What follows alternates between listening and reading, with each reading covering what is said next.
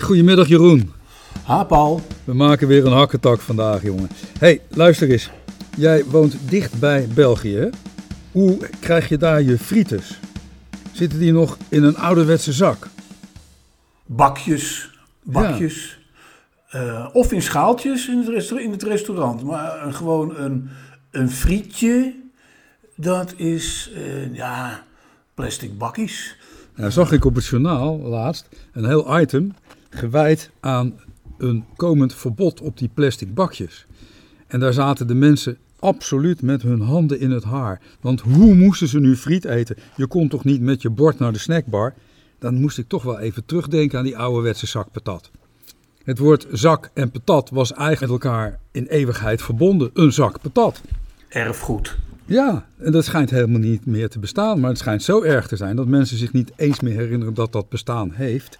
En dat je ook op die manier patat kunt eten. Afdeling rare berichten. Ik weet ook nog wie dat eh, afschafte Ja? destijds. Dat is toch ook alweer twee, drie, nee, minstens drie decennia geleden. De zak patat afschaffen, ja? Ja, en, en, en vond dat er plastic bakjes moesten komen. Wie was dat dan? Dat was de toenmalige minister, later bekend geworden vanwege zijn lieve, schattige touwtje uit de brievenbus, Jan Jan Terlouw. Terlouw. Jee, nee. Wat grappig. En dat was nog wel een minister die zich altijd heel hard heeft gemaakt voor het milieu. Terug naar de zak. Ja. Is, is dat dan nu eh, het idee? Ik dacht gek dat ze dat niet noemen. Dat ze al die bezwaren opperen en dat het één groot probleem wordt. Terwijl je vroeger toch heel simpelweg de zak had. Ja, hetzelfde idee bekroop mij toen ik van de week hoorde over die treinen uit Amsterdam die niet zouden kunnen rijden. Omdat er in Amsterdam geen plek was voor de douane. Maar ik herinner mij vroeger als je op interrail tour ging. Hè, dan ging je dus van het ene land naar het andere land. Voordat de EU bestond en je vrij mocht reizen. Dan kwam de douane gewoon de trein in. En dan moest je je paspoort in de trein laten zien. Dan denk ik ook van, zou toch een oplossing zijn? Waarom kan een trein niet rijden? Omdat je op een station geen douanekantoor hebt. Dan zeg je toch tegen de douaniers instappen in Amsterdam en in Roosendaal er weer uit of zoiets. Ik vind het eh, heel vreemd allemaal dat men de meest voor de hand liggende opmerkingen niet eens zich herinnert. Zo deden wij dat vroeger, toen we vroeger klein waren, Jeroen. Toch? Ik weet nog met die interrail dat je wel uren stilstond zodra eh, je uit het vrije westen eh, was gereden per spoor. Ja. En, en, en, en, en, en, en militairen met geweren. Zo in de buurt van Joegoslavië Ja, ja, ja, begon wat dat betreft, betreft eh, het klimaat wat af te nemen. Ja, even voor de jonge zeggen. luisteraartjes. Hè. Vroeger dan had je Interrail en dan kon je voor een prikkie, een paar tientjes, kon je in de zomervakantie als scholier, student, door heel Europa reizen. Met één kaartje. Dat was geweldig. Nou, niet een paar tientjes hoor. Ik geloof, ik me, ik me herinner me dat het mij toch wel 300 gulden heeft gekost destijds een paar keer. Ik heb het een paar keer gedaan. Kan je nou twee keer voor naar Den Haag, jongen, vanuit het oosten. Maar goed. ja, nog niet eens, joh. Hey, vorige week had ik ook nog wel. eh, ik heb altijd wel zo'n grappige eh, vraag aan jou aan het begin. Ja. En deze blijkt toch minder grappig te zijn. Eh had vorige week aandacht voor die Monsieur de Boelbal die was ontploft. Hè? En Ja. daarbij noemde ik dan Monsieur de Boel een gevaarlijke sport. Maar die meneer die dat betrof, die eh, de scherven van die de Boelbal in zijn eh, lichaam heeft gekregen, die is inmiddels overleden. Dus dan wordt zo'n licht onderwerp toch ineens eh, zwaar. En dan, ja, dan kan je daar niet meer om lachen. Dus Nee. dat is wel een, een, een naar onderwerp geworden. Misschien toch nog even uitleggen voor degene die het niet helemaal meegekregen. Die Jeu de Boelbal, zo'n metalen kogel, was ontploft omdat hij dicht in de buurt van een vuurkorf had gelegen. Toch? Ja, ja klopt. En de, de man was toen gewond. Ja. inmiddels is hij eraan overleden. Ja, en dat naar. is natuurlijk ook voor de nabestaanden heel Naar. triest. Maar Ja, altijd goed kijken naar de achterkant van zo'n zo'n verhaal, wel belangrijk. Zo had ik deze week dat verhaal van die fietsen uit Dronten. Heb je dat gelezen? Daar was heel veel aandacht op op sociale media. Meneer Wilders was daar heel bozig over. Krankzinnig, waanzin. Op een asielzoekerscentrum in Dronten. Mensen eh, goedkoop een fiets zouden krijgen. Omdat er in de stad zoveel fietsen waren gestolen. En een aantal daarvan waren teruggevonden op het asielzoekerscentrum. En daar zou volgens teletext Oh ja. 80.000 euro voor worden uitgetrokken. Ja, dat klinkt op de eerste, het eerste idee had ik toen ik het hoorde en iemand vertelde dat. Toen dacht ik, oh ja, hadden ze maar beter eh, auto's kunnen stelen, want dan hadden ze een goedkope auto gekregen. Maar het ligt toch heel anders. Ten eerste, de fietsen die daar gevonden waren blijken, in ieder geval voor zover na te gaan, zijn aangeboden door mensen die ze gestolen hadden. Dus het was geen diefstal van mensen die daar woonden, maar op zijn hoogst heling. En misschien naïeve heling. Nou, die fietsen die zijn afkomstig van de, de politie voor een groot gedeelte. En dat zijn fietsen die van de straat worden gehaald omdat ze er al heel lang staan. Vaak fietsen die er slecht aan toe zijn.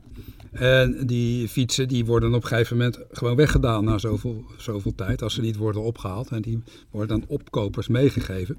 En nu dacht de gemeente Dronten van als we nou op die, op die eh, opvanglocatie een soort fietsenwerkplaats maken. Dan doen de mensen handvaardigheid op.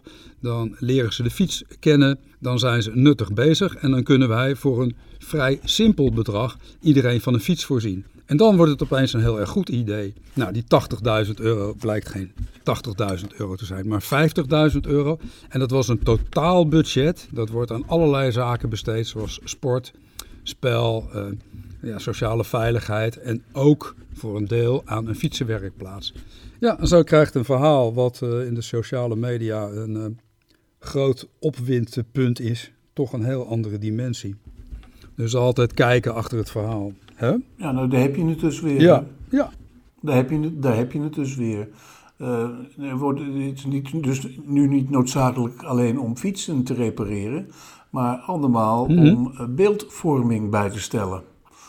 En nou ja, daar uh, zit jij en ik uh, ook voor, hè, om toch de waarheid bij de waarheid uh, te brengen. Het leert je dat je nooit te snel moet oordelen als je iets hoort of leest. Maar altijd eens even kijken van, ja, hoe zit het in elkaar? Andermaal dus niet. Um, brengt mij toch bij een van de grote actualiteiten van het afgelopen weekend.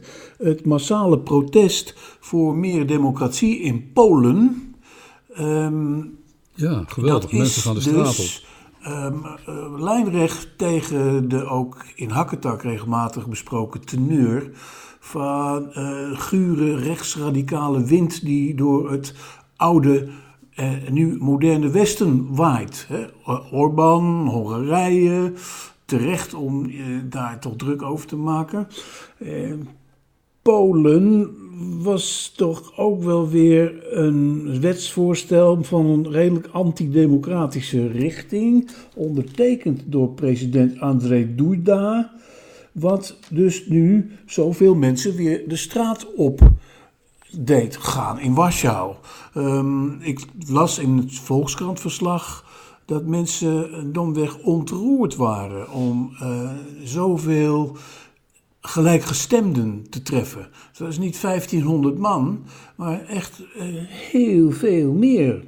Aangevoerd door um, die Donald Tusk van het Burgerplatform. Uh, op de foto. Ja, de grootste oppositiepartij. Oh, hè? En ook uh, in aanloop is dit na de verkiezingen van oktober, november.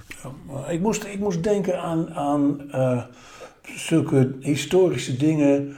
Uh, voor, de luister, voor de jongere luisteraars misschien ook voorkomen onbekend als de Praagse lente. toen was ik notabene nog veel jonger dan vandaag, net als jij. Praagse lente, toch 1968. Ja. Hè? Ja. Uh, ja, de inval in Hongarije, 1954, dat mensen ook de straat op 56? Nee, 56, 56, ja. ja. Praagse lente was eigenlijk in één grote opgewekte wind van verandering, van revolte. Ja. Je had ook mei 68 in Parijs, de, de uh, grote rellen tot gevolg hebbend uh, met de politie. Dat was toen het grote verbond van studenten en arbeiders, dat overigens ook weer snel uit elkaar viel. Praagse lente is neergeslagen door het Russische leger, de Sovjet-Unie ja, in de tijd. Daar moest ik heel erg aan denken. En in Polen zelf. De, Zeker, de opstand, de, de, de staking in Gdansk onder leiding van Lech Walenza. die uiteindelijk uh, mede heeft geleid tot het uh, instorten van de Sovjet-Unie. Ja, ik moest denken aan Walenza toen ik het eerste bericht uh, zo zag en de kop. Hij was er, hè? En toen zag ik hem, toen zag ja. ik hem op de ja, foto. Een spandoek torsend voor in de stoet samen met die Donald Tusk. Ehm, goh, leeft hij nog? Was onwillekeurig mijn eerste gedachte. Uh, opgezocht. Uh, hij is uh, 79. Hè? al lang niet meer de grote aanvoerder die hij was. Maar op zijn beurt toch iemand die voor minstens een aantal decennia, een paar decennia, toch ook de sfeer in Polen heeft kunnen um, um, um, sturen. Laat ik zo zeggen. Ja. Solidar, Solidarność, weet je nog? Ja, solidariteit. De grote vakbond was dat. En um, blijkbaar is die bezieling uh, nog wel, um, wel degelijk aanwezig. In... is natuurlijk in het oosten, in Oost-Europa, in, in, het Midden-Oosten, in Noord-Afrika, is er een, uh, ja, een golf geweest van wat we noemden lenterevoluties, kleurenrevoluties. Dat waren eigenlijk opstanden tegen dictaturen. Of voor meer vrijheid en voor meer democratie. En nu zie je in een land wat lid is van de Europese Unie hetzelfde gebeuren. Ja, dat is wel opmerkelijk. Maar dat blijkbaar eh, zien de mensen daar ook wel degelijk dat uh, hun vrijheid gevaar loopt, hun democratie gevaar loopt. Polen heeft zich de afgelopen tijd gekenmerkt door uh, inperken van de vrijheid van de rechterlijke macht, van de onafhankelijkheid van de rechterlijke macht, van de vrijheid van uh, seksuele geaardheid, voor de pers die erg onder druk heeft gestaan. Staatsmedia die berichten ook nauwelijks over deze grote demonstraties. Ja, heel mooi dat jonge mensen en, en oudere mensen, mensen die weten waar het om gaat, wat er op het spel staat, de straat optrekken. Massaal. Rechtsstaat, vrouwenrechten, ja. LHBTI'ers, het economisch beleid. Nou ja, het is ongeveer zo langzamerhand overal in Europa het gangbare rijtje waar ja. wel of niet uh, slecht beleid op wordt gevoerd. Ja, directe aanleiding, je noemde het straks al, dat was die wet die nagaat in hoeverre mensen betrokken zijn bij contacten met Rusland in de periode sinds 2014. Mm En het wordt door heel veel mensen, werd het uitgelegd als een uh, wet tegen de oppositie, omdat Donald Tusk onder andere uh, met Rusland gascontracten heeft afgesloten in de tijd dat hij nog premier van Polen was. Dat was mhm. nog net in 2014. En in het oorspronkelijke wet stond dat dan politieke deelname verboden zou zijn. Dus dan haal je eigenlijk de oppositieleider haal je uit het democratisch proces. Nou heb ik inmiddels begrepen dat, dat, dat de ondertekende wet door de president... Duda? Het André Duda? Dat het op een verbod uitdraait vervangen heeft door een aanbeveling tot. Dus dan is er een aanbeveling om je terug te trekken uit het politieke proces, maar niet meer een verbod. En dat verbod zou kunnen worden uitgevaardigd door de commissie zelf. En de commissie zou worden benoemd door de regering. Dus daar was niet eens sprake van vrije rechtspraak. Het oorspronkelijke wetsontwerp voorzag ook in de uitsluiting of een verbod van politici voor een periode van tien jaar in publieke functie uit te oefenen. Dus... Ja, niet rechtstreeks hè. Alleen als kon worden aangetoond dat zij uh, betrokken waren geweest met handel of anderszins belangen van Rusland hadden gediend.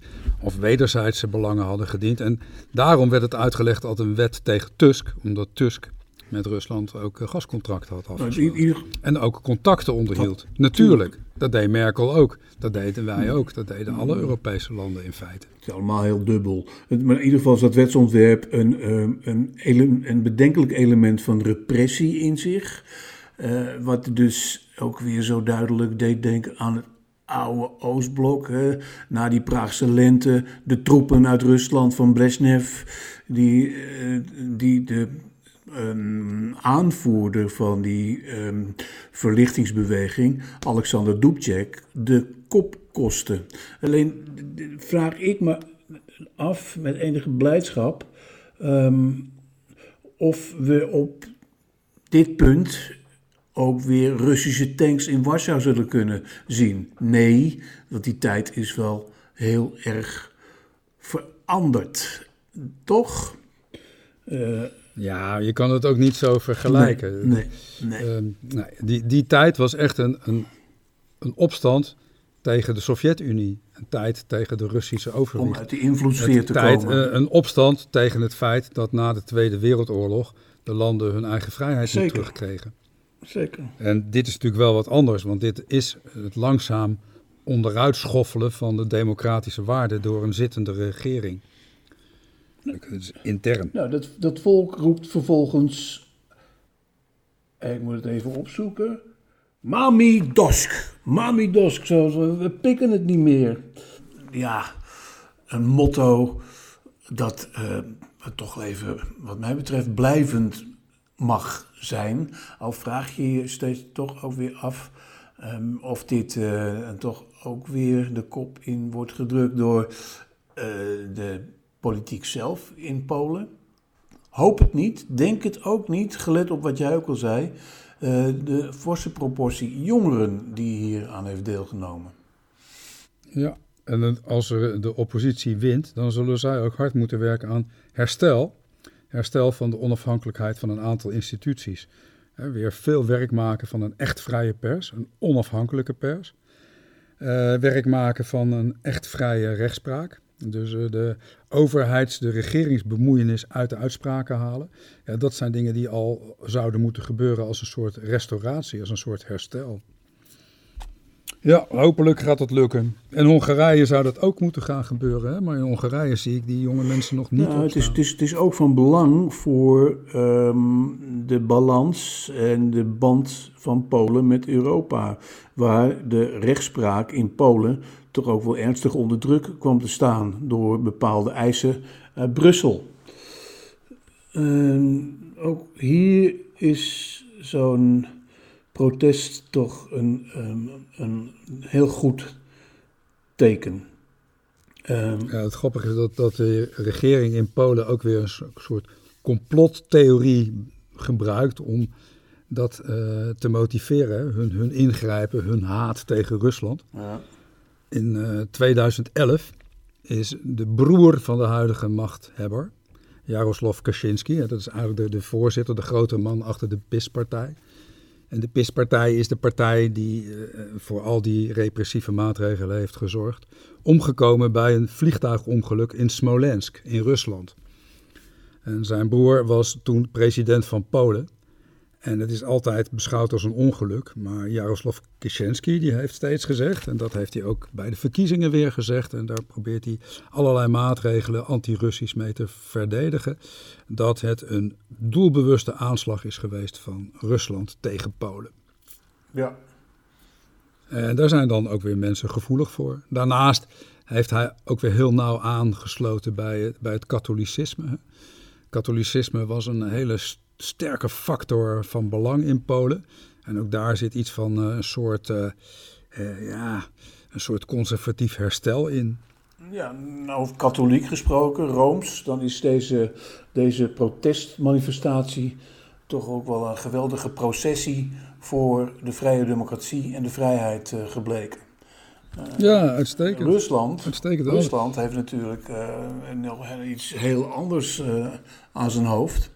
Um, zeggen nu, hè, dat is het meest recente bericht, dat er een offensief van Oekraïne is afgeslagen. Terwijl er ja. helemaal geen berichten zijn te verifiëren over zo'n offensief. Ik wil nog niet zeggen dat het niet... Duidelijk is dat er strijd op allerlei, op allerlei plekken wordt gevoerd. Hè. Vorige week nog, ja, die drones, de NOS noemde het een, massaal, een massale aanval. Nou, dat viel er ook wel heel erg mee. Van, van Rusland? Nee, van Oekraïne. Die drone-aanval op Moskou. Ja, dat was heel klein. Maar ja. Rusland heeft intussen tijd uh, tientallen drones en, en raketten op uh, Oekraïne afgevuurd.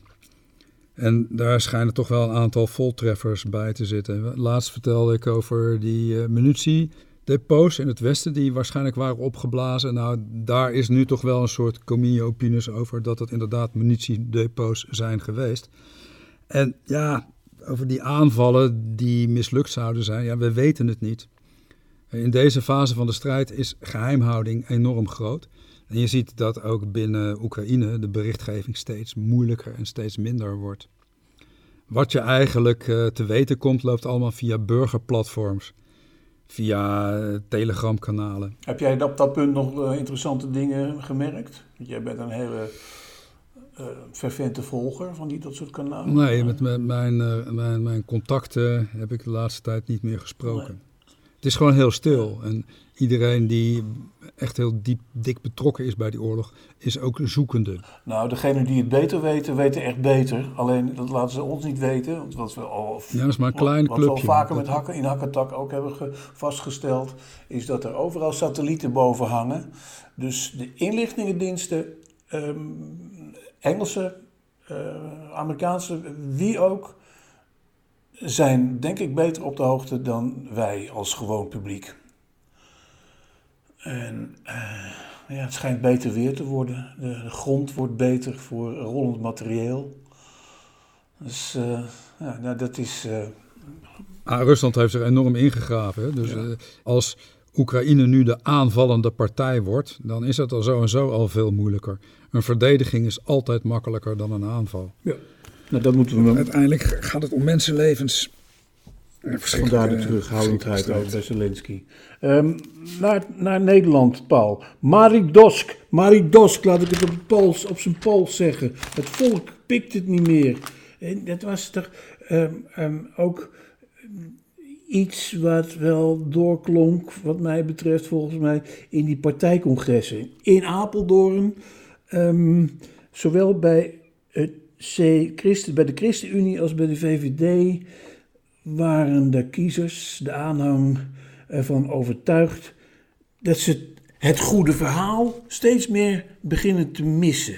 Het goede verhaal van hun partij in het kabinet. Als je lang met elkaar regeert, moet je natuurlijk compromissen sluiten. Rutte die regeert al 14 jaar. 14 jaar compromissen sluiten ja, maakt het partijgeluid natuurlijk minder zichtbaar. Ja, daarom, daarom uh, kroop hij ook tussen het publiek. Hè? Ging hij niet op. Ja, dan was hij duidelijk uh, een van ons, een van de VVD'ers.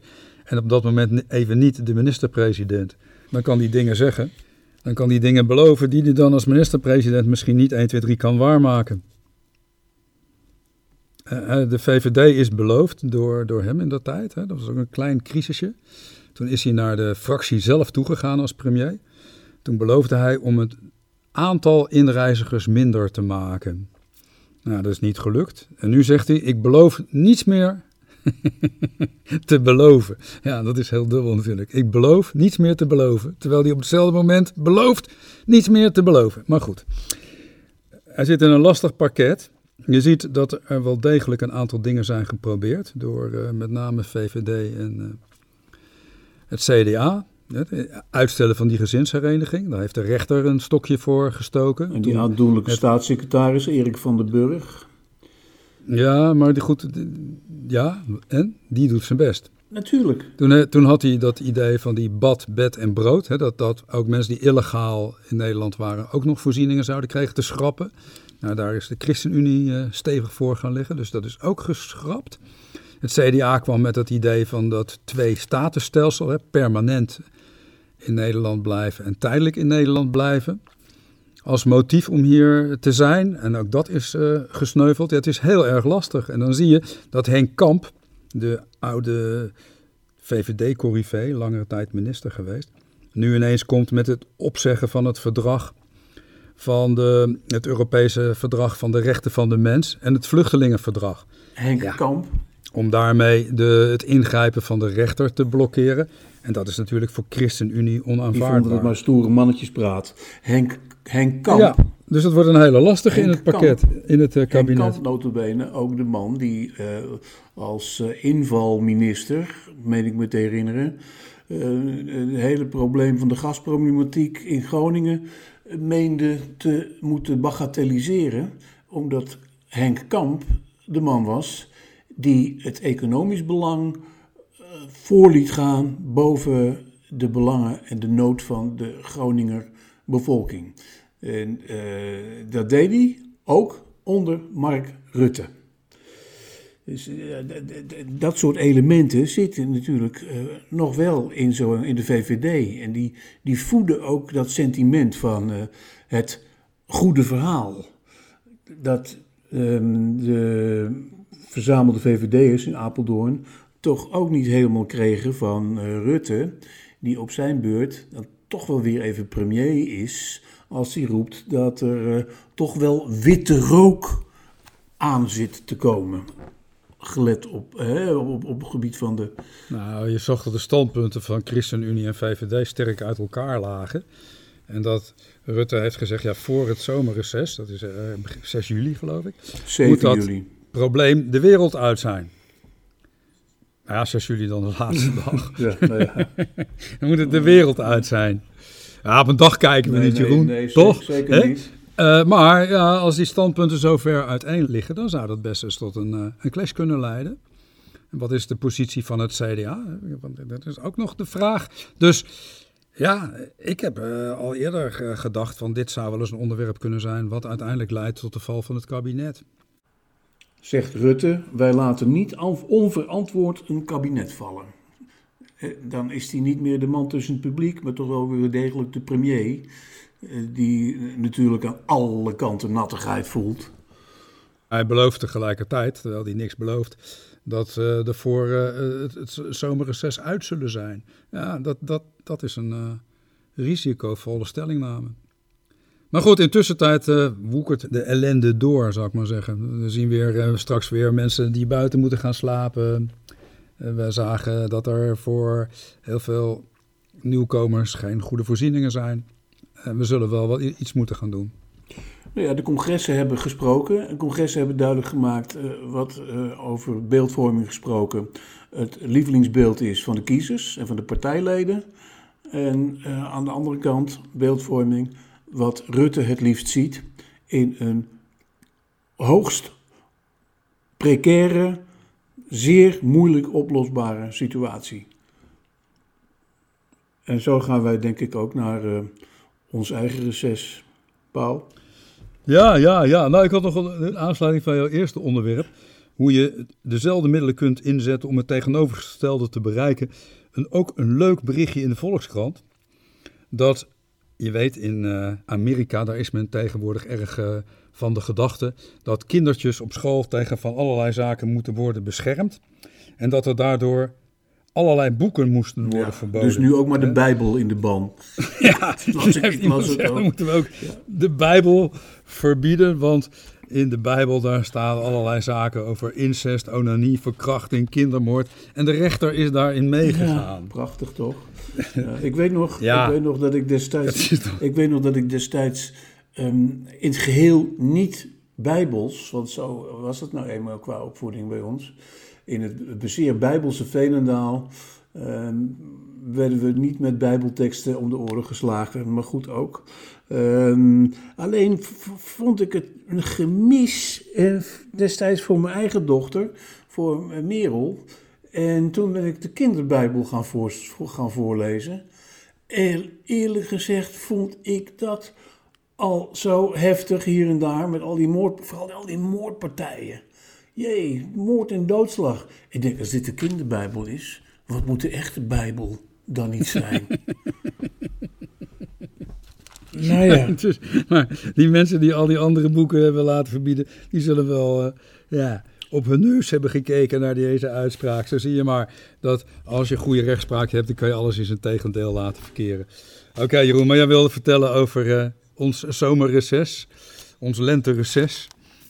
Ja, nou, ik ga eerst nog eens even kijken hoe het is met de frisse geest van het nieuwe Oerol. Een paar dagen. Niet meer als verslaggever, maar gewoon om er eens even te genieten. Enkele voorstelling te zien. En dan. Op de Schelling. Op de Schelling. En dan nog voor een dag of tien naar Hydra. Een eiland onder Athene. Een van de Griekse eilanden waar ik nog nooit was geweest. Uh, waar ik een documentaire over zag om, met uh, Leonard Cohen als uh, beroemde inwoner. En ga er nou niet heen om... eh, Ja, daar is een film over te zien op Netflix. Netflix, hè? Over ja. zijn liefde met eh Marianne, die daar ook woonde. ja. Nou, het schijnt er eh, buitengewoon rustig te zijn. Favoriet Nou, misschien ga je er wel mooi van zingen. Zeker, zeker. En, ik hoop wat opgewekter dan Lennart. Ja? Daar houden we het bij. Nou, ik heb nog een hele stapel ongelezen boeken. Dus over drie weken zijn we er weer. Ja, wat mij betreft Goed wel. zo. Nou, prima joh. Oké. Eh, dan wens ik jou eh, een eh, fijn verblijf daar op eh Oerol. En dat je cultureel doordrenkt dan maar naar Griekenland mag gaan.